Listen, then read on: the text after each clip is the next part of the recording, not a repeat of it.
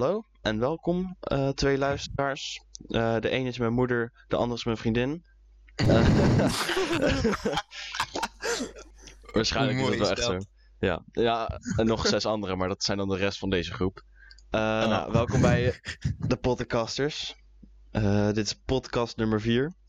En vanwege mijn geweldige upload schedule en de vele virussen die ik heb gedownload, is nummer 3 inmiddels nog steeds niet online. Maar hopelijk tegen de tijd dat deze online komt wel. Nummer 4 alweer. Nummer Heb ik 4. het weer gemist. Ja, ja, ja. Ja, klopt. Ja. Vorige was Ik heb over ze allemaal bijgewoond.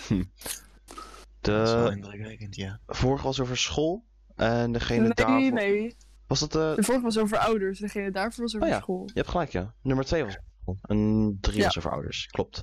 Mhm. Ehm plan voor vandaag is eh, niet echt één thema te hebben, maar gewoon een meer laid-back podcast te doen.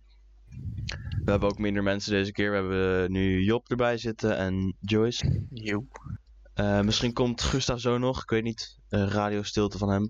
En Ruben die is nu aan het eten, dus misschien komt hij later ook nog. We zullen zien. Ja. Jazeker. Oké, hoe was jullie week, jongens? Ja, Ja? ja, quarantaine. Een beetje eh, saai. nou, niet helemaal. Niet helemaal quarantaine. Je was gisteren toch met Peter, eh, weet je wat ja, oké. Niet, niet echt de quarantaine, nee. Maar op zich, zeg maar, ik- heb niet per se echt veel dingen gedaan. Aan school of was- gewoon in general? Nou, überhaupt. Maar ik, ik heb Peter inderdaad een paar keer gezien. En ik was gisteren met Florine naar de Soesterduinen. Dus dat was ook wel leuk. Anderhalf meter afstand hoop ik. Uiteraard. Ja, we, we gingen dus oprecht in verschillende auto's naartoe. Zij ging met haar zus in één auto en ik moest met de andere auto erachteraan rijden, zeg maar. Ah, dat mooi. was wel een beetje irritant, want dan heb je twee keer zoveel benzine, maar oké. Ah, Ja. Alles voor het coronavirus onderdrukken. En benzine is Precies. koop als wat. Ja, dat is ook weer waar. Tenminste nu wel. Fuck die olieprijzen. Ja, inderdaad. Had je wel Maar jullie bij? Vertel er eens wat leuks over. Ja, leren en werken. Werken? heel... Wat doe je eigenlijk voor werk? Je had het laatst Eh, ik- verteld, maar ik ben het alweer vergeten. Nou ja, ik til stenen en ik rij op een heftruck. En soms moet ik vragen beantwoorden waar ik het antwoord niet op weet voor klanten. Dus Klinkt als het leven. sta ik, ja, sta ik ongemakkelijk te wachten tot mijn collega klaar is. Met zijn klant. Dus ja. Nou ja, op zich wel prima. Nee, En eh, het is misschien ook wel chill dat je nog werkt, want ik weet niet, ik had het op zich wel leuk gevonden als ik nu nog had kunnen werken. ja, het is wel lekker. En het is nul uur contract, dus ik kan komen en gaan. Behalve Ja, zaterdag, zaterdag staat sowieso vast. Maar voor de rest kan ik komen en gaan wanneer ik wil. Maar dat lijkt me wel Ja, chill. dat is op zich wel relaxed. Dan heb je wel iets van een structuur nog aan je dag. In plaats van dat je gewoon, zoals ik, gewoon niks te doen hebt, basically. Maar een Ja, beetje en van dan heb dag je nog inderdaad wel geluk dat je een vriendin hebt. Anders Ja. dan zou je echt niks doen. Inderdaad. Ja, hoe gaat Nou mijn ja. vriendin? Het gaat eh, best goed. Nou, ik zeg best goed. Het gaat Nice. geweldig. Ja. Nice. Nou, ik had niet anders Leuke verwacht. gedaan? Wat zei je? Leuke dingen gedaan nog? Eh, Ja, wat doe je eigenlijk nu? Nou, Gewoon- om de paar dagen gewoon bij elkaar lang. Een beetje chillen. Een beetje Nou, relaxed. meer dan chillen. Filmpjes kijken. En dan soms de filmpjes niet, uit, niet, niet uitkijken, zeg maar. Be- begrijpelijk. nice, nice. Ik Maar- snap het helemaal. Veel meer heb je ook niet echt te doen. Nee, Ja, nou, nee, dat is waar. Dat is wel jammer. Ik merk gewoon echt dat ik de laatste week heel erg had. Omdat het natuurlijk ook echt super lekker weer was. Dat ik dan buiten liep en dat ik dacht, ja, het enige waar ik nu echt zin in heb is een groot koud glas cola op een terras. En Hmm. oh, dat kan niet. Ja, dat is ja, waar. het grote glas koude cola is wel mogelijk. Ja, maar niet op een terras. En dat is Misschien- altijd toch net wat lekkerder. Misschien kan je dan een tafel aan je voordeur zetten en je zusje betalen om een schortje aan te doen. in te doen. Nou, op zich, op zich. dat is denk ik Ik een zal het oplossing. eh, overleggen. Willen jullie dan ook bij mijn privé-terras komen? Ligt eraan hoe ver met die anderhalf tafeltjes van elkaar afstand. zitten. Ja, precies. Minimaal anderhalf meter. Mhm. Is goed. goed. Doen En- we wel. Desinfectant om die glazen schoon te maken als iemand eraan heeft gezeten. Uiteraard. Meteen met een doekje oppakken en in de vaatwasser. In de We het gewoon, eh Luc. We doen niet zo moeilijk. Gewoon alles Ik ben heel benieuwd. Ik ben heel benieuwd hoe het gaat lopen nu allemaal. Want nu gaan natuurlijk binnenkort de basisscholen weer open. En ze willen daarna ook de horeca weer opengooien. Maar ik las ergens dat het ongeveer drie weken duurt voordat je weer resultaat ziet in ziekenhuizen en zo. Dus Mhm. als de basisscholen open gaan, dan zou daar best wel weer een piek van kunnen komen. Ja, weet je, dat hopen we natuurlijk niet, maar het zou kunnen. En binnen drie weken gaat de horeca ook al open, is nu het plan. Dus eigenlijk is dat best wel dom. Maar als de horeca open gaat, dan gaat, kan net zo goed alles open gaan, toch? Ja, want de horeca is wel echt... Maar volgens mij, Ja, niet per hoort- se hoor. Want als volgens je- mij hoort bij horeca open nu dan nog niet het uitgaan en zo. Echt alleen gewoon een terrasje of zo. En ik denk dat ze wel die anderhalve meter regel moeten handhaven. Maar zeggen Oh, dat als de horeca open gaat, net zo goed alles open kan gaan, is niet echt handig. Want de horeca is misschien wel een groot deel van de eh, oorzaak van veel infecties, maar het is niet alles. Ja, Nee, maar horeca is natuurlijk wel echt... Zeg maar, daar zitten mensen wel echt dicht bij elkaar. hopen jullie wel dat die snel open gaat? Of... Nou ja, aan de ene kant denk ik van... Ja, weet je, je moet eigenlijk gewoon wachten tot corona helemaal voorbij is. Aan de andere kant ben ik er echt wel goed klaar mee nu. Dus ik hoop eigenlijk wel dat het gewoon open gaat. Maar dat is puur uit eigen belang. En niet als ik zou denken aan de maatschappij of zo. Maar Mhm. influenza zie je nu ook nog steeds, hè? Dus corona zal nooit helemaal weggaan. Nee, dat is waar. Maar zeg maar, je wil natuurlijk niet dat... Stel, je mag straks weer uitgaan. Dat je één avond uit is en heel Amersfoort is gewoon weer besmet, weet je wel. Want die kans is er wel. Want als ik van bubbels naar koetje ga bijvoorbeeld... en ik heb het in bubbels gekregen... en dan heeft heel koetje het straks ook. Ja. En dan Dat heb is je toch wel de eh, twee grootste clubs. Is in Zuid-Korea ook gebeurd. In de eerste paar weken was er één persoon die eh, corona had en naar het ziekenhuis was gegaan. Waren ze van ja, oké, wacht nog op eh, testresultaten. Gaan we gewoon, weet ik wel, iets doen. En toen was ze naar een kerkdienst gegaan volgens mij. Naar een kantine met honderden mensen. Eh, wow. maar op een plein of zo rondgelopen en zei ze maar de oorzaak dat er überhaupt eh, eh, zaken zijn van corona in Zuid-Korea. Maar dat is wel echt heel kut. Dat is toen echt heel hard gegaan bij haar. Ja, dat geloof ik wel. Maar dat is natuurlijk... Hier ook was dat in Brabant met carnaval. Ja. Daar was het ook echt keihard gegaan. Omdat gewoon een paar personen het daar dan hadden. En met carnaval sta je gewoon zo dicht op elkaar. Ja, wat is eigenlijk de bedoeling van carnaval, nu we het er toch over hebben? Ik heb dat nooit begrepen. Nou, ik heb het eigenlijk niet heel goed uitgezocht waarom ze er zo'n goed feest van maken. Maar ik vind het in ieder geval hartstikke leuk. Is het niet gewoon nog een reden om een feest te hebben? Zoals Eh, nou ja, het is natuurlijk wel een christelijk of, of katholiek misschien zelfs. Ja, oké. Katholiek feest, toch? Dus in principe is het een feest. En ik denk dat ze er dan inderdaad wel proberen om iets leuks ervan te maken. Maar in principe is het wel gewoon een feestdag. Zeg maar ook al voordat Brabant helemaal wild ging. Maar het is niet net als kerst dat er dan nog iets achter zit van... Oh, gezellig met je familie en gezellig Vroeger Oh, nou ja, misschien dat en zo. nee. Het is gewoon... Nee, dat denk ik niet. Maar ze hebben natuurlijk wel altijd die... ehm, parade, hoe heet het ook weer? Optochten. Oh ja, ja, ja. Dat is wel zo, ja. en dat is natuurlijk wel... Traditie. Ja, het is natuurlijk wel in... Nou ja, hier dan Hoogland, maar ook zeker in Brabant is dat wel iets waar mensen echt een heel jaar aan werken. Mhm. Dus ik denk dat het daarmee wel een soort van... eh, nou ja, dingen is of zo. Maar het is inderdaad niet met cadeautjes geven, volgens mij. Nee. Mm. Maar ik zie ook niet echt hier voorafgaand aan de vaste tijd van 40 dagen. Het is een omkeringsritueel. Zo. Een Nou, omkeringsritueel? precies. om te vieren dat Ja. mensen in het christendom geloven? Eh, maatschappelijke rollen worden omgedraaid. En normen over gewenst gedrag worden opgeschort. een soort omgekeerde, onge- omgekeerd dag. Ja, zoiets. En ik denk dat, eh, dat er dan niet van je wordt verwacht je te gedragen zoals je zou moeten normaal. Nou, maar ik denk wel tot in zekere mate natuurlijk. Ja, maar ja, dat je 50 man kan neuken omdat je een dag carnaval hebt. Maar Kan sowieso ja, wel, op zich. je zou het, is maar je zou het kunnen nou ja, doen. ja oké, maar het is natuurlijk als christen niet per se de bedoeling om dat Ja, te dat, doen. dat, ja, heb je een punt op zich. maar Maar ja, hebben we christenen in, in dit gesprek? nou, ik geloof wel in God, maar niet per se christelijk. Maar geloof je in, in God, of geloof je in een God, of geloof je in iets Nee, ik boven? geloof wel in God, maar net iets anders. Ja, je krijgt zeg maar, stel we krijgen echt veel luisteraars, krijg je sowieso allemaal van die opmerkingen van, oh, ze maakt haar eigen geloof, bla bla bla. Maar het is zeg maar, ik geloof ook wel in dat Jezus heeft bestaan en zo, maar ik ben er wel van overtuigd dat God een soort van meegaat met de maatschappij. De, Oh, Je viel even weg. Oké, wacht, kun... wacht even. Mijn oortjes deden even raar.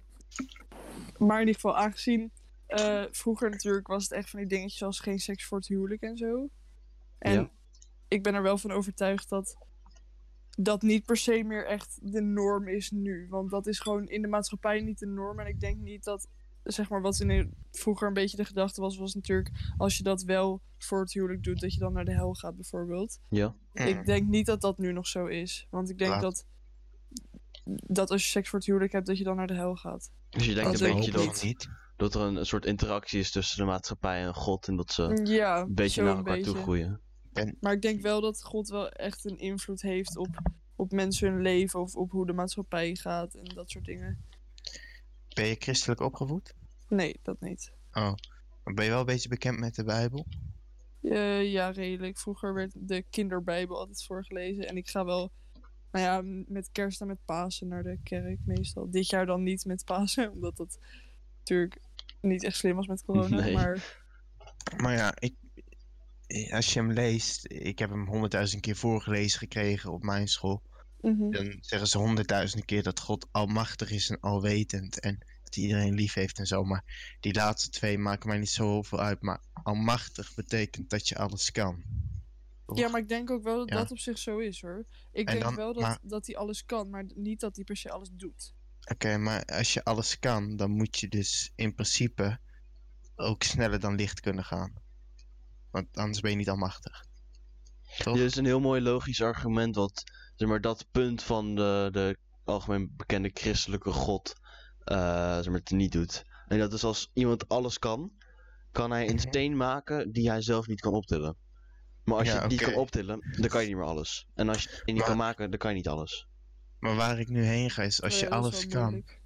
dan moet je oneindig veel energie hebben om dat te kunnen uitvoeren. Ja, maar het is natuurlijk niet echt een mens, hè? Ja, maar je hebt, je hebt het sowieso nodig, want anders kan je dat niet doen. Als je geen energie hebt, kan je iets niet uitvoeren. En als je alles moet kunnen uitvoeren, dan moet je een oneindige reserve hebben van energie om dat te kunnen uitvoeren. Maar Ja, maar daarbij ik neem je denk dat wel aan logisch. dat God eh vastzit aan de regels van ons universum. Ja, Ja, dat oké, denk ik niet. Om het hier te manipuleren moet je energie hebben. Ja. Anders dan werkt het gewoon niet. Ja, maar In de Bijbel heeft hij dingen hier eh, op een bepaalde manier gemanipuleerd waarbij je zonder energie dat niet zou kunnen. Dat, dat, dat- dat zijn gewoon. Ja, maar ik, ik vraag me af of, of hij bijvoorbeeld energie nodig heeft. Want hij is, zeg maar... Als je... Hoe leg je dat uit? Als je almachtig bent, dan kan je dus ook dingen die wij niet kunnen. Best wel veel dingen die wij niet kunnen. En ik denk dat je daarbij ook als God zijnde dingen kan doen zonder energie nodig te hebben. Die wij absoluut niet zonder energie zouden kunnen. Ja, het zou kunnen dat, maar- zeg maar, om een beetje een sci-fi uitleg te geven, is dat hij gewoon in een alternate dimensie zit en via subspace channels met ons universum interact. Ja, dat zou gaaf zijn. Maar stel, stel dat hij ehm, zich op, in enige, op enige manier moet houden aan de wetten van ons universum om het te kunnen manipuleren. Eh, eh, en hij kan alles, dan zou hij oneindig veel energie moeten hebben. En oneindig is zo groot, dat is niet te tellen, toch? Dat, ja, dat als, als hij inderdaad zich aan een soort van regels van ons universum moet houden, dan ja. En dan heb je ook nog het punt dat hij overal zou zijn. En, en dat is, eh, dat is, vind ik best wel interessant, want misschien eh, als je dat bekijkt en je hebt oneindig veel energie nodig, is het misschien mogelijk dat bepaalde aspecten van de christelijke God werken als God zou zijn wat het universum is, of dat hij het gehele universum zelf gewoon is. Maar dat wordt zo fucking vaag. Dat, dat klinkt gewoon alsof je echt de grootste meesterhippie ooit bent. Maar het, het klinkt op zich wel logisch. Zeg maar, in plaats van dat Ja. God echt een, een, een soort van wezen is, een, een, een Los dat het gewoon... iets is, maar dat het gewoon alles is.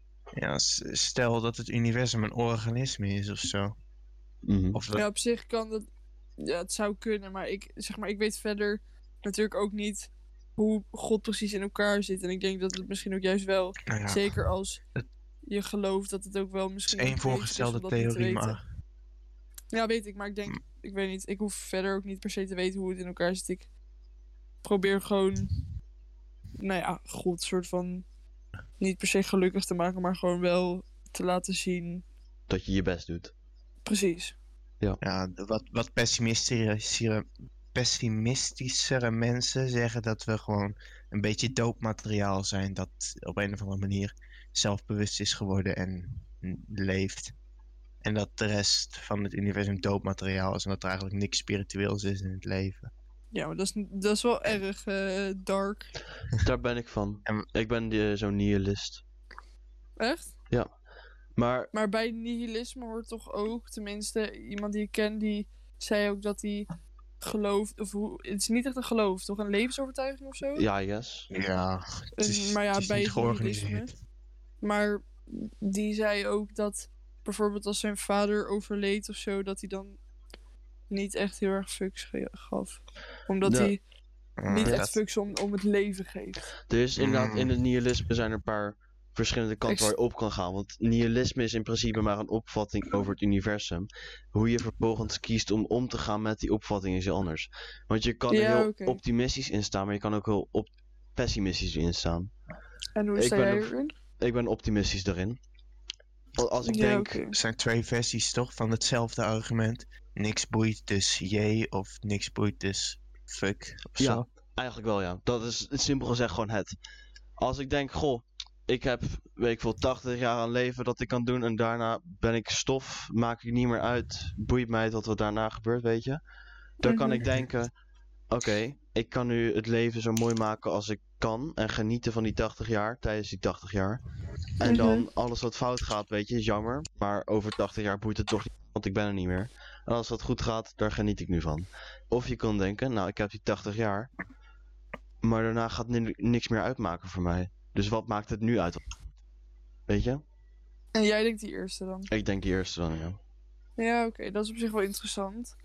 Wat ik echt heel fucky vind om, om zeg maar te ontdekken, was dat er, als je ver genoeg inzoomt op, um, eerst op atomen en dan op de elementaire deeltjes die het bestaan, dat de huidige wetenschap uitkomt op eh, eh, verschillende energiegolven. En dat was zo fucking raar om te denken dat in essentie eh, bijvoorbeeld vaste materie maar een vorm van energie is. Oh ja, inderdaad. Dat is, dat is, en ik weet niet precies hoe het werkt, maar dat is zeg maar echt een hele, hele globale samenvatting van, daarvan.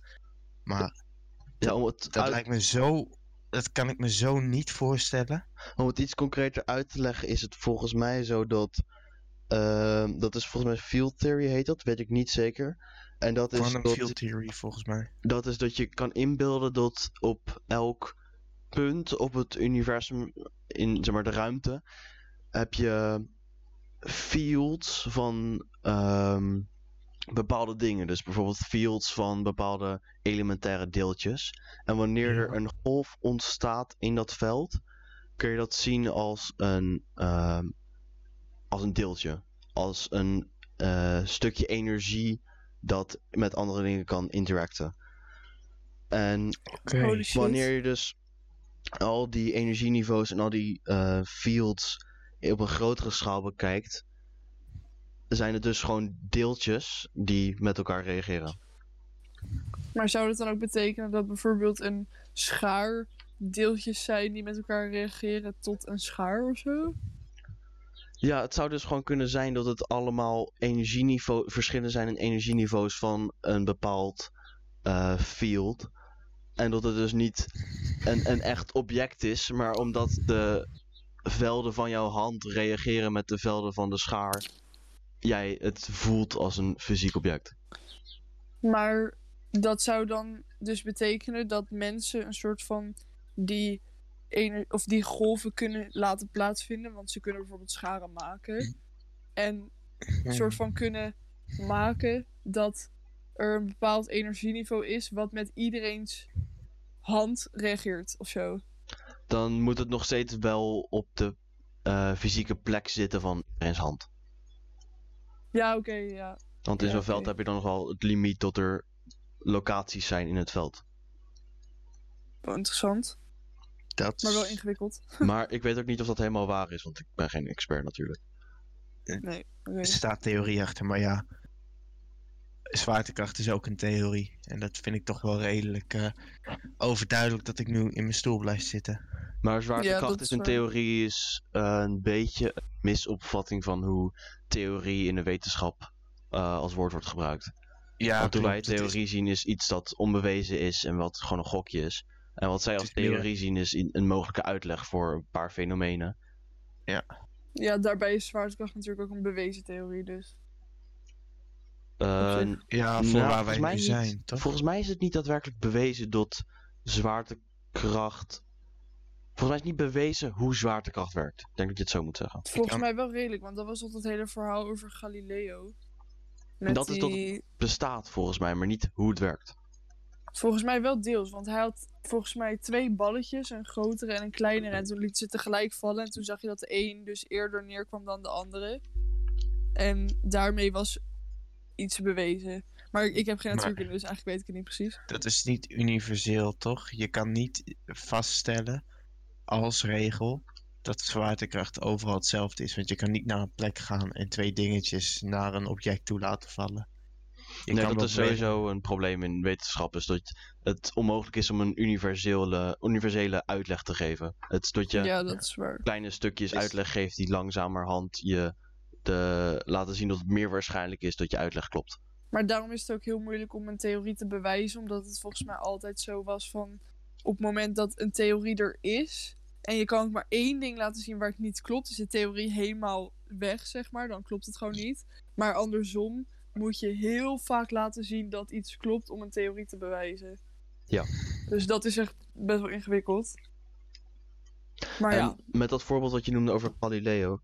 Inderdaad, als je Mhm. dus een bal van een toren loslaat en het gaat naar beneden. Dan heb je bewezen dat het fenomeen zwaartekracht bestaat. Want je fenomeen zwaartekracht is dat iets iets anders aantrekt. Oké, dan. ja. Maar je hebt niet bewezen hoe dat fenomeen werkt. Want waar Nee, er nog oké, twijfel over waar. is, is of het een deeltje is dat de kracht zwaartekracht overbrengt van deeltje op deeltje. Of dat het een, eh, een effect is van de buiging van spacetime. Ja, ja, oké. Nee, en dat, dat is dan waar. nog de kwestie. Ja, dat heb, heb ik verder ook echt geen idee van. Dat zal meneer Ketel wel weten. Maar dat allemaal verder ketel. inderdaad. ja. Ik had nog een vraag. Want ik zat laatst na te denken. Want dat doe ik wel eens. Oh, mooi. Op zich. Gefeest. toen eh, dacht ik na over dat ik eigenlijk best wel vaak doe aan een soort zelfreflectie. En ik doe het volgens mij, van wat ik van zeg maar, andere vrienden heb gehoord, best wel extreem of zo. Want altijd als ik naar bed ga, dan doe ik eigenlijk automatisch, denk ik, voordat ik ga slapen, een soort van mijn hele dag door. Met wat ik heb gedaan en of ik, dat, of ik daarachter sta of dat ik daar toch van baal. En hoe ik dat heb gedaan en hoe het beter had gekund, dat soort dingen. Kost niet altijd heel lang hoor, zeker in deze quarantainetijd is best snel klaar. Maar, maar ik vraag me af of jullie dat bijvoorbeeld ook doen, maar dan wat minder extreem. Of hoe jullie op jezelf reflecteren. Want ik had het met een andere vriend erover net. En die zei van ja, volgens mij doen mannen dat veel minder dan vrouwen. Dus ik vraag me af of jullie dat doen. Job, ga jij eerst of ga, ga ik eerst? Zelfreflectie, hoeveel we dat doen. Ja, ik weet Nou ja, niet. niet per se alleen hoeveel, maar ook gewoon hoe. Wat, wat doe je qua zelfreflectie? eh, gewoon een beetje kijken of wat je doet wel een beetje acceptabel is en of andere mensen daar negatief over zullen denken. En wanneer doe je dat? Maar ja, eens in de week als je een sociaal ding hebt gehad, kijk je een beetje terug van hoe ging dat precies. Mhm. Maar niet, niet elke dag of zo. Ja. Ik, eh, ik doe dat niet zo vaak. Ja, één keer in de week misschien. Mhm. Ik ja, denk een keer, soms wel maar geen eens. standaard ding natuurlijk. Nee, het is, het is meer. Als je een fout maakt, doe je meer dan als je zeg maar gewoon een dag hebt waarbij je denkt, ja, dat ging wel goed. Ja, oké. Dat heb ik ook al. Voor mij is eh, het punt waar zelfreflectie het meest plaatsvindt niet aan het eind van de dag of zo. Gebeurt het ook wel soms, maar dan probeer ik meestal gewoon meteen in slaap te vallen. Mhm. Maar meestal gewoon tijdens eh, sociale interactie zelf of tijdens dat ik iets probeer te doen. Maar dan Dat- wel gewoon echt automatisch ook. Eh, ja, grotendeels wel. Zo'n soort feedback loop van, oh, is het gevoel dat ik nu heb bij deze situatie goed of slecht? Is het gevoel dat een ander heeft bij deze situatie goed of slecht? Eh, moet Ja. ik dus mijn gedrag aanpassen, ja of nee? En dan als het antwoord ja is, dan specifiek hoe. En als het antwoord nee is, dan fine. Ja, oké. Want ik weet niet, ik merkte dat ik het op zich wel belangrijk vind bij bijvoorbeeld mijn vrienden of bij gewoon mensen die ik ken. Dat ze niet per se zelfreflectie doen, maar wel dat ze zichzelf goed kennen en goed weten van zichzelf hoe ze op eh, situaties reageren bijvoorbeeld. En ik weet niet, ik merkte gewoon echt dat het bij sommige mensen heel erg miste. En ik, ik weet niet, ik vraag me altijd af hoe dat komt of zo. Want omdat ik dat dus best wel veel doe en voor mijn gevoel ken ik mezelf best goed. Nou ja, dat weet je natuurlijk niet helemaal. Maar voor mijn gevoel ken ik mezelf dan best goed. En dan snap ik gewoon soms niet hoe sommige mensen zichzelf slecht kunnen kennen of zo. Ja, Dus verkeerde zelfreflectie waarschijnlijk. Of ja. dat ze denken dat ze weten hoe ze zijn. Maar je ziet heel vaak dat mensen denken dat ze een bepaalde manier zijn. en Dat het helemaal niet klopt. ja, dat is wel waar inderdaad. En je ziet soms ook dat mensen inderdaad wel op zichzelf reflecteren. En dus zeg maar zoals wat jij net als voorbeeld gaf, Luc, dat ze dan bijvoorbeeld zoiets hebben van oké, moet ik mijn gedrag aanpassen? Ja. En dat ze het vervolgens niet doen. En dan zeg maar soms denk ik dat het ook gewoon is omdat ze niet weten hoe ze dat moeten doen. Maar ik Mhm. denk dat sommige mensen ook wel weten hoe ze het moeten doen. Maar het alsnog niet doen uit een soort principe of gewoon omdat ze niet willen veranderen omdat anderen het zouden willen of zo. Ik denk dat dat meer een soort angst is. Voor wat? Nou, als je. eh, Dan gedraag je je op een bepaalde manier en dan weet je misschien wat het fout is. Maar het is wel vertrouwd. Je weet precies wat er gaat gebeuren wanneer je gedraagt zoals je doet. En daar kan je dan ook op vertrouwen.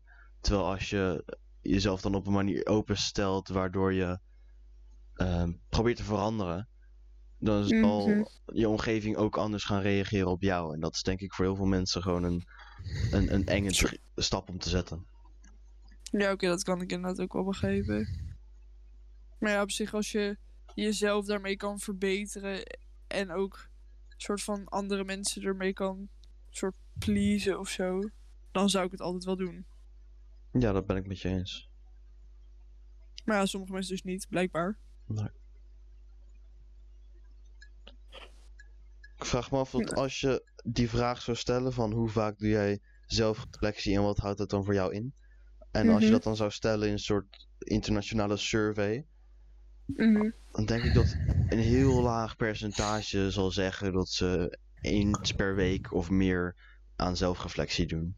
En wanneer ze hun zelfreflectie dan omschrijven, dat het ook als goede zelfreflectie eh, gezien kan worden. Ja, ik op zich. Ik denk dat heel veel mensen ook wel een soort van automatische zelfreflectie hebben. Dus dat ze na iets wat ze bijvoorbeeld fout doen, of, of juist iets wat ze goed doen, dat er een soort van automatische zelfreflectie is in iemands hoofd. Waarmee je dus ook kan denken van, oh, nou oké, dit was dus goed. Dus als dit de volgende keer nog een keer gebeurt, kan ik op dezelfde manier reageren.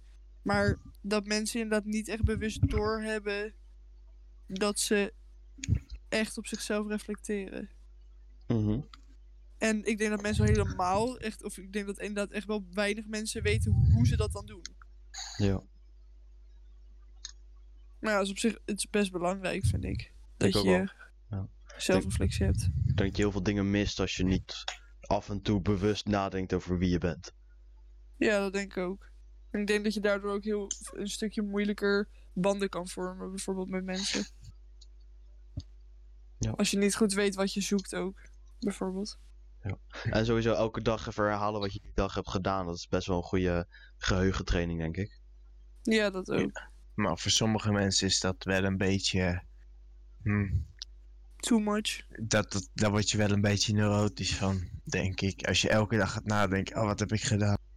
En Ja, maar het is niet per se op die manier. Het is gewoon bijvoorbeeld als wij nu, wij hebben nu dan dit gesprek.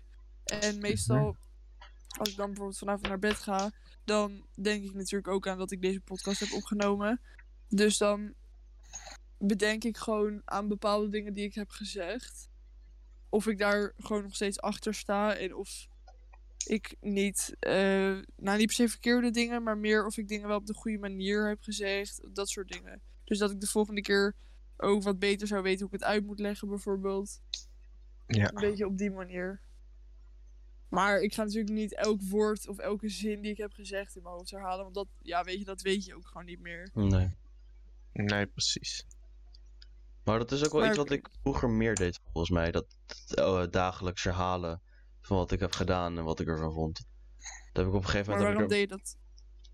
Hoezo heb je dat op een gegeven moment niet meer gedaan? Volgens mij deed ik het omdat ik gewoon simpelweg niet wilde slapen. en waarom ik ben gestopt met het doen, dat weet ik eigenlijk niet. Ik denk dat ik gewoon op een bepaald niveau tevreden was met, met wat ik allemaal had bedacht. En dat mijn brein toen best wel onbewust was van oké, genoeg. On ja, to the op next thing. begrijpelijk. Maar dan Ja. probeer ik wel weer op te starten. Want het is toch wel een proces waar ik erg van geniet. Ja, snap ik. Ik eh, ben gejoind, dus hallo, hallo Hey mensen. Ruben. Hoi Ruben. Heb jij, je nog Ruben? iets leuks waar je over wil praten? Oh ja, we kunnen ook eerst naar het, over het onderwerp vragen. Inderdaad, waar we het nu over hadden. Hoe, of nee, reflecteer je vaak op jezelf? En zo ja, hoe doe je dat? Oh god. Ehm Poh. Poh. We beginnen. Ja. nou, best wel ja. We beginnen best wel lekker. Ehm, ja, precies. op dit moment niet heel veel meer. Aangezien ik voor nu ook wel even denk van ja, weet je, het, het gaat wel lekker. Mhm. Dus ik, tuurlijk, weet je, ik, ik kan op eerder dingen reflecteren wat ik al gedaan heb. Maar dat vind ik, vind ik, vind ik op zich. Ja. En natuurlijk is het wel afhankelijk van de situatie. Als situaties veranderen, dan denk ik van dat is hier goed of hard gegaan. Mhm. Ehm maar oh ja, nu zit ik op zich wel lekker. En vroeger bijvoorbeeld, zeg maar, wat, wat deed je dan qua zelfreflectie? Nou ja, dan is het gewoon vooral nadenken over hoe het ging. En... Ja, gewoon, ja. Ik bedoel, het is pieker op positieve manier, denk ik. Dat je het best, dat ik het best kan eh, beschrijven. Ja, op zich wel mee eens. Dus nice. ja, dat, ja, En denk je ook dat het nuttig dat het nuttig is? is? Dat je er Eh, veel van hebt geleerd? Ja, op zich wel. Ja, het is natuurlijk ehm, wel een beetje is, is, ik denk niet dat het nuttig is om, om de hele tijd zelfreflectie te blijven doen. Als in dat je gewoon elke dag nadenkt over jezelf of, of onderweg of zoiets. Maar meer als er een incident is waar, waar, wat zelfreflectie vereist. Dat je dan even goed gaat nadenken van oké, wat heb ik gedaan, waarom en wat, wat wilde ik bereiken. Mhm. Ja, want ik doe het wel echt, zeg maar, best wel vaak. Bijna elke dag eigenlijk. Maar meer, zeg maar, ja, weet je, dan ben je er ook wel snel mee klaar omdat je het elke dag doet. Maar. Ik weet Ja. niet, ik, op zich vind ik dat wel chill. Ja, oké. En nog iets dat een beetje een probleem is, dat als je het niet eh, enigszins consistent doet, of be- best wel vaak, dan is het ook moeilijker om in te schatten wanneer een incident nou echt zelfreflectie vereist of niet. Ja. Ja, maar dat hoort dan weer een deel bij je zelfreflectie. Dat je dat van jezelf weet wanneer iets Ja. zelfreflectie vereist. En dat mis je dan wanneer je alleen maar reflecteert in waarop je denkt dat het nodig is. Ja, ja. ja dat is waar.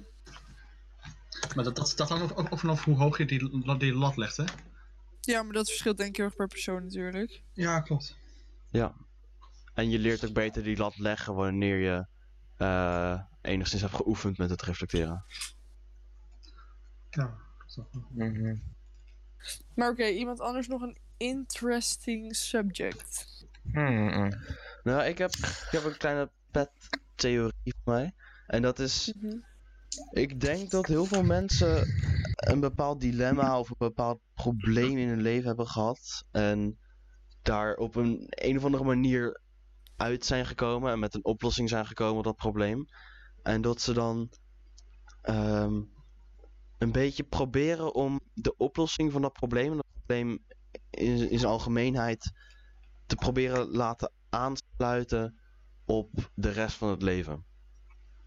En dus proberen te kijken op wat voor manieren er gelijkenissen kunnen worden getrokken tussen het leven en dat ene specifieke probleem. Hmm, zoals? Ik heb een Als je voorbeeld een van voorbeeld van mezelf. Ik heb een voorbeeld van mezelf. En dat Mhm. is dat ik een, een, ehm, een soort ja, een theorie heb over, over sociale interactie. En ik, ik noem het de filtertheorie. En het werkt zo dat als je jezelf bent en je doet zoals je wil doen, je gedraagt je, gedraagt je zoals je wil gedragen en je praat de dingen die je wilt zeggen, dan heb je een filter om je heen. En de mensen die jou zien gedragen en jou horen praten en denken van, goh, dat is best een topkerel. Die zullen dan vervolgens door het he- filter heen stappen en in jouw cirkel komen. En de mensen die dan jou horen praten en jou zien gedragen, wil ik niet bij zijn, die zullen dus niet door dat filter heen stappen. Dus door op een bepaalde manier te gedragen, stel je ook een filter op die de mensen waarmee je interact er maar wegfiltert. En ik merk toch heel veel met bijvoorbeeld met dating apps, zoals Tinder, dan stel je een profiel op en dat is eigenlijk al een filter. Want als je Ja. inzet dat je van voetbal houdt of dat je van eh eh weet ik veel, van, van tennissen houdt of van schilderen houdt, weet ik veel wat, of iets anders, dan Mhm. filter je toch al wel een paar mensen eruit. Ja. En dat kan ik toch best wel vaak. Of misschien hebben jullie ook zo'n theorietje. Niet echt. Ja, nooit echt heel erg zo over nagedacht. Maar in principe jouw theorie vind ik best logisch klinken. Ja, maar verder... maar Ik heb niet per se... Nou ja, wat ik heel erg heb, zeg maar, en dat is niet per se een theorie of zo. Maar, nou ja, iedereen heeft natuurlijk wel eens vervelende dingen of zo meegemaakt in zijn leven. En toen, een keer dat ik dat had, merkte ik heel erg dat ik een soort van liever wegging van de situatie dan dat ik een oplossing zocht. En ik merk dat ik dat soms automatisch nog steeds doe. Dat ik wegga van een probleem in plaats van dat ik het probeer op te lossen. En denk dat dat toch wel een soort van voortkomt uit dat dat toen die ene keer goed is gegaan. Maar nu de afgelopen tijd is het ook een paar keer fout gegaan. Dus gaat dat ook wat meer weg of zo nu. Mhm. Maar ik denk dat dat wel iets van is van hoe ik me gedraag bijvoorbeeld. Wat komt doordat ik één keer zoiets heb meegemaakt. Op die manier. Ja, dat zei je ook Maar al. verder heb ik niet echt, echt bepaalde theorieën of zo waar ik eh, mee bezig ben of zo. Maar wat je zegt over die theorie van eh, dat filter, dat is eigenlijk gewoon het principe of iemand jou mag hoe jij bent, of of iemand jou mag omdat je je gedraagt hoe jij denkt dat mensen je leuk gaan vinden. Ja, inderdaad. Als, je, als jij bent zoals mensen je leuk zullen vinden, dan zullen er heel veel mensen zijn die je mogen, maar dan zou je nooit jezelf kunnen zijn. Dus dan eigenlijk doe je dan jezelf een beetje, nou ja, voor de gek houden. Precies. Mijn eh, ding werkt niet goed, mijn call, dus ik ben weer terug. Oh, oké. Welkom terug. Maar inderdaad, Job, dat, Welkom dat terug, eh, Ruben. is inderdaad precies wat ik probeer te bereiken met de theorie. En dat is dus, wanneer ik dat uitleg aan iemand, probeer ik te laten zien van als jij dus op een manier gedraagt waarvan jij denkt dat mensen je leuk zullen vinden, dan zullen die mensen dus ook jouw cirkel binnenkomen. Maar dan zullen ze jou niet waarderen voor wie je bent. Precies. Maar zeg Nou, dat maar hangt- dat je... Ja, ga maar. Ja, maar dat hangt ook vanaf hoe, hoe dichtbij dat, dat gedrag wat je vertoont bij jou als persoon ligt. Want als je gedrag wat puur is zoals je ook bent, dan zullen ze jou ook mogen, omdat het gedrag wat je vertoont is hoe jij ook bent. Ja, dat is wat, wat eh Luc net uitlegde. Ja, maar ik dacht... Nee, dat klopt. Dat ligt eraan hoe dicht het bij is. Maar überhaupt dat het al verwijderd is van wie jij echt bent, laat al zien dat filter verandert. En dus dat er ook andere mensen het filter in zullen stappen.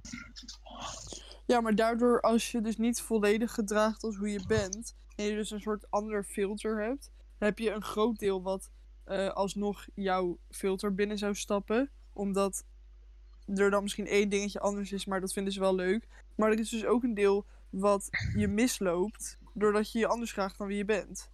Ja. Dat is op zich best interessant. Dat stel, want nou ja, ik denk dat iedereen zich in sommige situaties wel eens anders heeft gedragen dan hoe hij of zij is. Misschien dat je daar wel gewoon je soulmate door hebt misgelopen of zo. Ja, maar Dat zou kunnen. Ja. Maar ja, daar, daarover nadenken, daar word je alleen maar verdrietiger van. Dus, Ja, ja, dat hoeft niet per se. het ligt aan hoe je het bekijkt. Want als je het bekijkt met de mindset dat je het kan gebruiken om jezelf te verbeteren. Dus om te proberen te verminderen dat je filter anders maakt dan wie jij echt bent. Dan kan je misschien ook Ja. wel optimistisch naar kijken. Dat klopt. Maar ja, iedereen heeft wel eens een keer een relatie verneukt die ze liever hadden gehouden of juist iets meer hadden willen maken. Maar dat is ook gewoon, denk ik, deels, eh, deel van het groeiproces wat je uiteindelijk doormaakt. Mhm. Of door hoort te maken.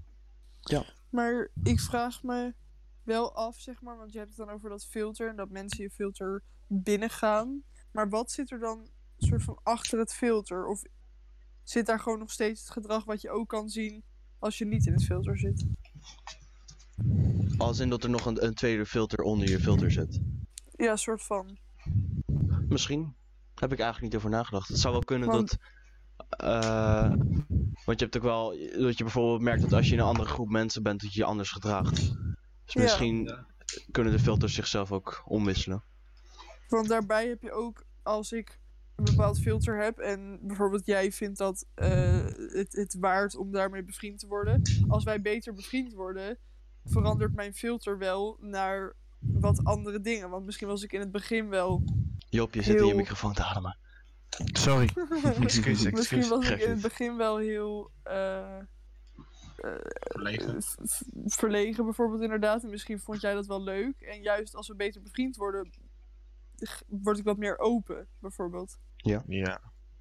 Maar zouden mensen dan ook, want dat heb ik op zich wel, dat mensen misschien een beetje verlegen zijn of zo, maar dat trekt mij juist heel erg aan, omdat ik wil zien hoe iemand is als die open is. Dus dan val ik, zeg maar, dan wil ik niet per se zien hoe je bent omdat jij je zo gedraagt, maar juist omdat jij je zo gedraagt, ben ik benieuwd hoe je bent als je anders bent of zo. Super raar. Dus het feit dat iemand eh, anders gedraagt dan hij echt is, lokt jou om eruit te komen hoe hij echt is.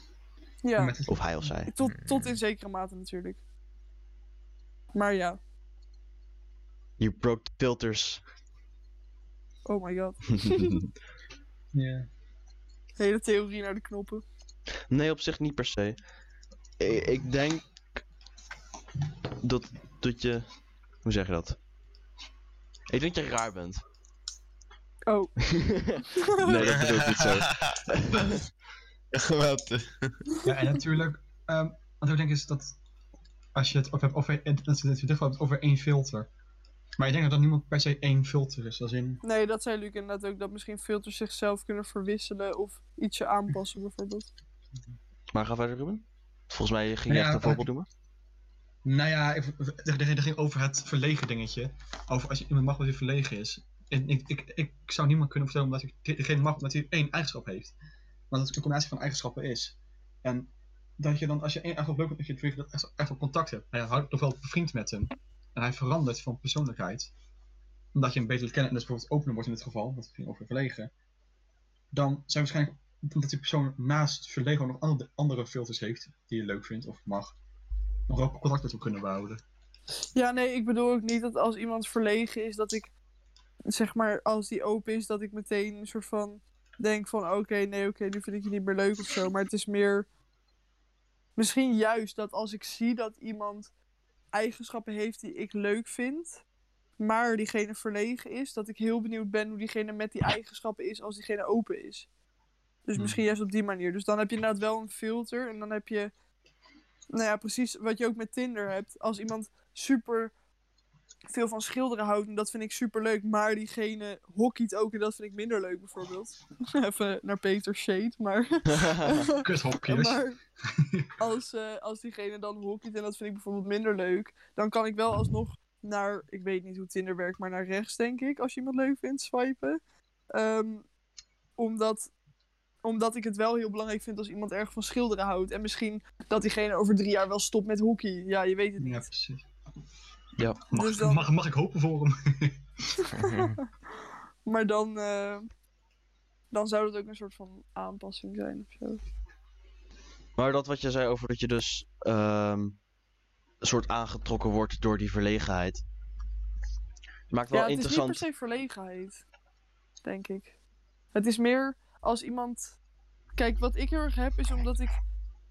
Nou ja, voor mijn gevoel ook mezelf best wel goed ken... dat je ook een soort van anderen wat makkelijker kan lezen of zo. Zo noem ik dat altijd. Ja. Je hebt bepaalde mensen die gewoon heel moeilijk te lezen zijn. Dus het is meer een En- soort mystiek. Precies. En dat vind ik heel interessant, hoe diegene dan echt is. Maar dat maakt dan wel een interessant punt als je wilt bediscussiëren wat het beste filter is om te hebben. Is het dan het filter dat het meest past bij jou? Of is het dan een filter dat beetje lijkt op jou, maar ook meer mensen trekt? Of een ander extreme? Ja, ligt er denk ik heel erg aan. Als je heel graag heel veel vrienden wil, zou je zeggen dat het filter wat de meeste mensen. Maar dat is dan ook het probleem met bijvoorbeeld mensen die zich super high class gedragen. Dat trekt vast heel veel mensen aan. Maar als dat gewoon niet is hoe je bent, ja, weet je, dan uiteindelijk ga je daar negatieve dingen van ervaren, denk ik. Maar als je doel is om gewoon zoveel mogelijk hechte vriendschappen te creëren die je lang, zeg maar, van men- met mensen die je lang blijft spreken. Dus ook bijvoorbeeld nu na de middelbare school, dan zou ik gewoon zoveel mogelijk een filter hebben die op jezelf lijkt. Yes. Oké. Ik ga er vandoor trouwens, jongens. Vaarwel Job. Vaarwel. Jo, doei doei. Doei. Maar ja, dat dus. Lekker Wel een interessant z'n onderwerp. Thank you. Wat zei Ruben? Lekker knus met z'n drieën nu. Gezalig. Nou ja, knus, knus. Minimaal anderhalf meter. Ah. Zo knus is dat niet. Grote dingen wel- kunnen ook heel knus zijn. Ja, oké, oké. We kunnen best wel uitzonderingen maken. Nee, nee, nee, nee, nee. Boetes, boetes. Ja, maar denk maar dat de politie ziet als je in mijn kamer bent. Denk het niet. Oh, leuke ideeën. Nee, nee, nee, nee. nee. Peter luistert het ook. Ik moet me onthouden. Oh, we hebben drie luisteraars. Nice. Ja, ja, oké. Sick man. Jouw moeder en je vriendje. gewoon- nee, mijn moeder luistert niet. Gelukkig. nou, Ja, gelukkig. nou ja, na vorige aflevering. Dat, Wat zei ik het eind- wat, dat wat ik aan het eind Oh zei ja, jou. oeh, ja. Ja, dat was niet zo best. Dat is best Maar wel vorige best. aflevering staat er nog niet op, dus op zich. Maar deze Oh. ook nog niet. Nee, dat is waar. dat is Daar voor waar. de luisteraar wel dan. Maar... Whatever. Ja. Tijd is raar. nee, Ja, voor, voor, voor de luisteraar niet. Dat is wel, dat is wel lastig inderdaad. Dat, ik vind het ook altijd knap hoe YouTubers dat doen. Dat ze zeg maar het laten voelen alsof ze het live opnemen, maar je toch weet dat het gewoon drie dagen eerder is geweest. Of drie weken soms. Of drie maanden. Nou, soms echt lang geleden Drie inderdaad. eeuwen. Oh. Soms, soms nemen ze ook gewoon drie video's op een dag op en dan changen ze gewoon de kleren, zeg maar. Ja, en dan ja, lijkt het alsof ze drie verschillende dagen hadden, maar dat is gewoon niet zo. Deed ze Super dat ook raar. bij die tv-programma's? Mm, soms. Met van denk die ik. soaps en zo? Nee, ja, dat. Maar mij is ook bijvoorbeeld 1 tegen uh, thuis of zo. Is dat, dat, dat intellectuele programma dat je van, oh, een vraag moet beantwoorden. En dat je mensen uit de... En dat anders, als je verliest, dat, dat iemand uit de andere mensen komt. En dat zo'n geldpot of zoiets. Nou ja, Ja. Nee, volgens mij... Ja, en volgens mij ehm, worden dingen als. eh, wat was het ook weer? Je Voice of. Holland en zo. Dat wordt Ja. ook vaak op één lange dag opgenomen. Dus dat is op zich wel opvallend. Ja, heel vermoeiend. Maar daarom zeg maar, omdat ze dat dan in drie weken uitzenden bijvoorbeeld, moeten ze ook hun kleren verwisselen. Omdat je anders gewoon echt de hele dag hetzelfde aan hebt, zeg maar. En dan drie weken achter elkaar als het ware. Nou, joh, niks mis mee. Maar ja, heeft iemand nog een leuk onderwerp? Of een interessant onderwerp of een interessante vraag? Ik kan eentje uit het lijstje pakken als niemand iets heeft.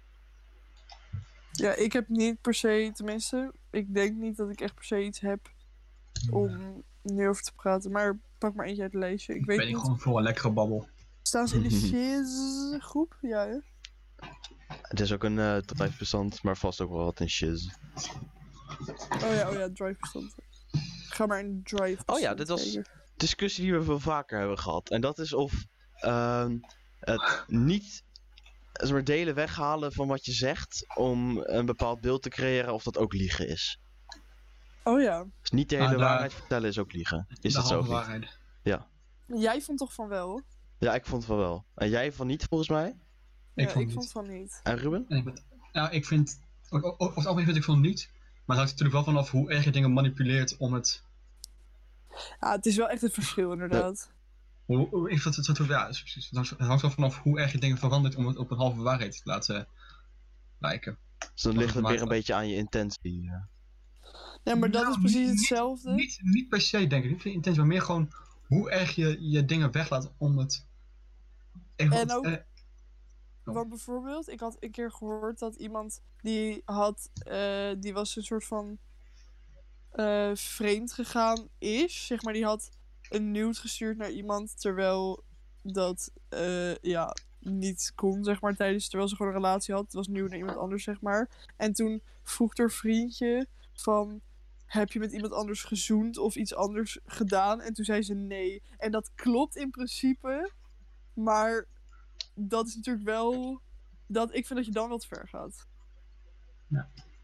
Want dat vind ik wel gewoon een soort van liegen. Want als zeg maar diegene, die, dat vriendje was suspicious en dan vraagt degene van ja, heb je met iemand gezoend of zo? Ben je vreemd gegaan? En dan zegt ze nee. En dan denk ik wel, ja, in principe, als je er geen regels over hebt gemaakt, is een naaktfoto sturen niet per se vreemd gaan. Als in, eh, je zou kunnen zeggen dat dat niet helemaal telt, maar ik vind wel dat ze dat toen hadden Ik zou me er niet comfortabel bij voelen. Nee, Om dat zo te zeggen. nee, Nee. ik ook niet. Maar ja, als je, ik vind wel, als je, ehm, bijvoorbeeld, even denken, waar hadden we het toen ook weer over? Weet ik niet meer. Geen flauw idee. Oh, volgens mij was het zo van dat, ook bijvoorbeeld dat, wat was het nou? Nee, denk ik is lastig. Dat ik of iemand, oh jeez. Als jij daarover Dat ik- nadenkt, ga ik nog een Ja, vraag stellen aan Ruben. Want Ja. wat bedoel je dan precies met eh, dat het eraan ligt hoeveel je het...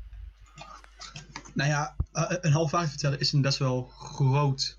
Dat kan heel veel betekenen. Als je niet kan zeggen van ik, ik, ik, ik laat één klein ding- dingetje weg om het iemand makkelijker te maken. Ja. Dat is, dat is ook een halve waarheid. Of je laat zeggen, of je, of je zegt gewoon een heel ding, of je zegt gewoon een heel onderwerp niet van, van, van een vraag bijvoorbeeld. Ik bedoel, eh, dat wat zij net zei, dat, dat voorbeeld van, van Joyce is ook een halve waarheid. Ja. Zou je het zo, zo zou je kunnen zien. Van nee, ik heb niet gezoend, maar ik heb wel iemand naakt. Maar dat is toch wel een best wel groot serieus dingetje. Maar bijvoorbeeld leugens voor eigen bestwil. Als je die een klein beetje verdraait, kan je er ook best wel een halve waarheid van maken. Mhm. En dat is, vind ik, veel minder groot en veel minder erg. Bijvoorbeeld vrij simpel. De, ehm, de is het dood? Nee, ze, ze, is, ze, ze is aan het slapen of dat soort dingetjes, weet je wel. Ja, maar dat is gewoon, dat is wel gewoon serieus liegen als ze wel dood is. Ja, maar of, of Dat ze is- is, ja, maar dat is permanent aan niet het slapen. Ja, Nou, dat is dan meer niet een verzachting. dat is meer een verzachting dan echt een halve waarheid. Maar, maar dan bijvoorbeeld het, het, zeg maar, het meest eh, eh, onschuldige kant van het spectrum is dan bijvoorbeeld wanneer iemand vraagt: Oh, hoeveel kostte de melk bij de appie? En dan zeg je minder dan een euro. En dan was het 99 cent of zo. Ja, of, of bijvoorbeeld, ehm dus anders iets. Bijvoorbeeld, als jij, als, zoals stel je voor, wij gaan een keer afspreken.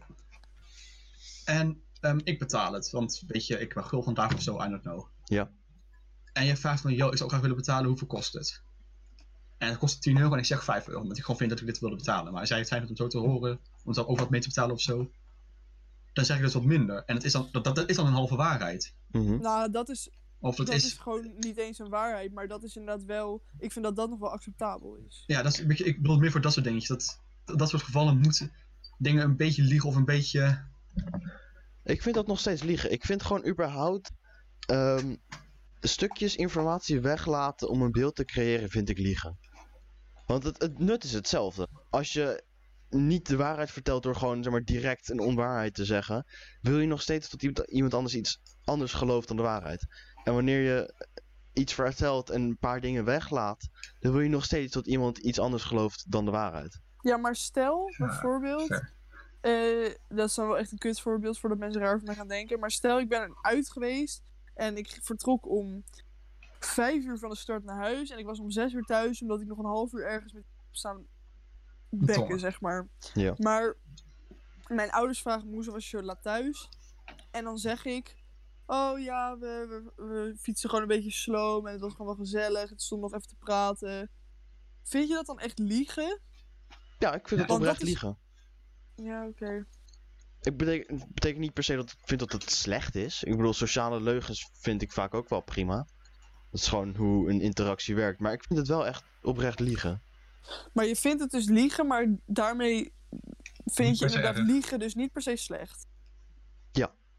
Ja, ik denk inderdaad. dat daarom mijn beeld dan anders is, want ik heb Ja. van liegen wel echt een slecht beeld. En daarom, zeg maar, omdat ik dit niet iets slechts zou vinden om te zeggen, zou ik het niet als liegen zien.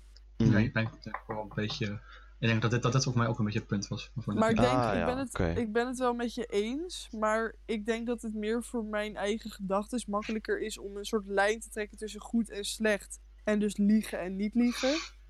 Omdat eh, ik dan ook voor mezelf kan houden van oké, liegen is slecht. Ja. En niet de waarheid vertellen, niet per se. Ik vind dat te zwart-wit. Ja, dat snap ik wel. Nou, dat valt is- eigenlijk wel mee, want eh, de grijsheid wordt dan vervangen niet door eh, dat liegen soms goed of slecht is, maar doordat je kan zeggen van iets is wel of niet liegen. Ja, precies. Maar dat heb je ook wel vaker, dat de definitie, dat eh, bij mensen op mens een definitie van een woord anders is, omdat ze het de, eh, associëren met iets goeds of met iets slechts. Ja, dat gebeurt inderdaad best wel vaak. Ja, wel interessant. Want dan heb je, in principe hebben we een soort van dezelfde definitie van wat goed en slecht is. Maar daarmee niet dezelfde definitie van wat liegen en niet liegen is. Ja, inderdaad. Dus Komisch. eigenlijk, ja, best raar. Maar op zich best interessant ook.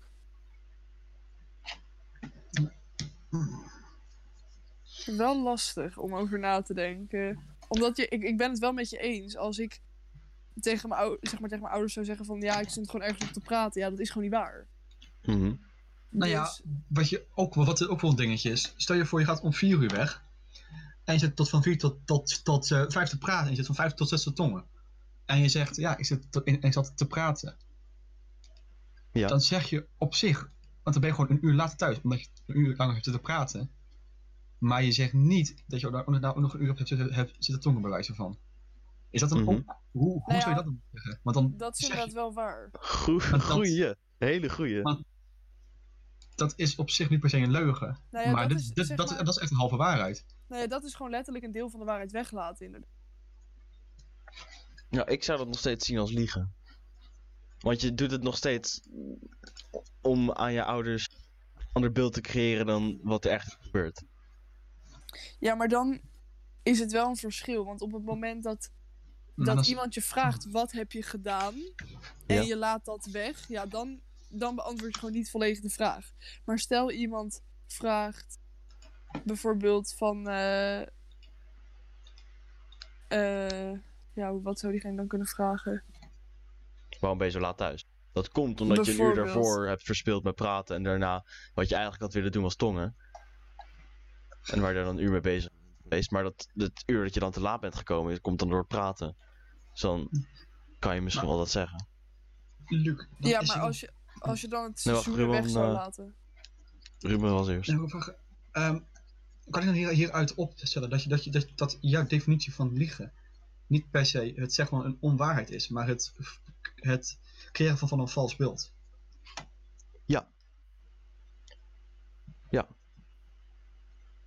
Oké. Het, niet per se het vertellen van een onwaarheid, maar het niet vertellen van de waarheid. Ah. Nee, oké, dat is wat we gewoon even Maar ook Mhm. als je niet de waarheid vertelt terwijl je terwijl de waarheid niet gevraagd is. Terwijl je het eigenlijk Ehm. maatschappelijk gezien wel zou moeten vertellen. Want in principe, stel jij zoent vanavond met iemand die niet je vriendin is. En Anna vraagt jou niet eh, of je dat hebt gedaan of wat je hebt gedaan überhaupt. Dan vertel je niet een leugen, want je, oh, en je verdraait ook niet de waarheid, want je zegt eigenlijk gewoon niks. Ja. Maar je verbergt wel de waarheid. Want je zou het haar wel moeten vertellen, maatschappelijk gezien en sociaal gezien. Ja, aan, aan de ene kant is het inderdaad zo dat je niet een leugen vertelt, niet, eh, niet een waarheid verdraait of zo. Omdat er niks is gevraagd, dus je kan ook niet iets niet vertellen. Maar aan Nee. de andere kant is het nog steeds zo dat je het beeld bovenhoudt tot het gewoon een normale relatie is en dat er niks is gebeurd. Ja, dus is het niet, dus dat zou een dan liegen door niet vertellen, maar een liegen door het gewoon normaal te doen. Ja, dus een liegen door het beeld wat het eigenlijk zou moeten zijn, anders te maken dan het nu is. Maar in dat geval vind ik dan wel weer dat de definitie liegen niet echt van toepassing is.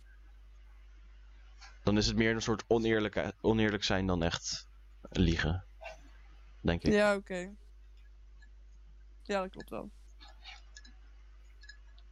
Moeilijk zeg, om de definitie van liegen voor jezelf echt te definiëren. Geldt voor heel veel dingen. Ja, oké, true. Maar nu in dit onderwerp. Oeh, Ah, pink. hier zou ik echt nog wel een uur over kunnen nadenken. Maar het is gewoon heel Zou moeilijk om. aanraden. Nee, ik ga het ook niet doen, denk ik. Maar ik vind het moeilijk om echt te bedenken hoe ik zulke gedachten zou moeten beschrijven in woorden. Snap je? Ja, ja, ja. Ik heb best wel vaak dat ik nadenk, maar dat als ik moet uitleggen waar ik over nadenk, dat ik echt geen idee meer heb. Nee, dat heb ik vroeger heel veel gedaan. Zeg maar die tijd aan het eind van de dag dat ik eigenlijk zou moeten slapen, maar geen zin had, deed ik dit soort dingen. Zo. Ja, dat is wel interessant. En trouwens, Joyce, ik vind het wel geweldig hoe in die eerste aflevering je zei dat we vijf minuten bezig waren en je toen op de seconde goed zat. En nu zei je dat je wel nog een uur zou kunnen praten en dat we toen bijna precies een uur bezig waren.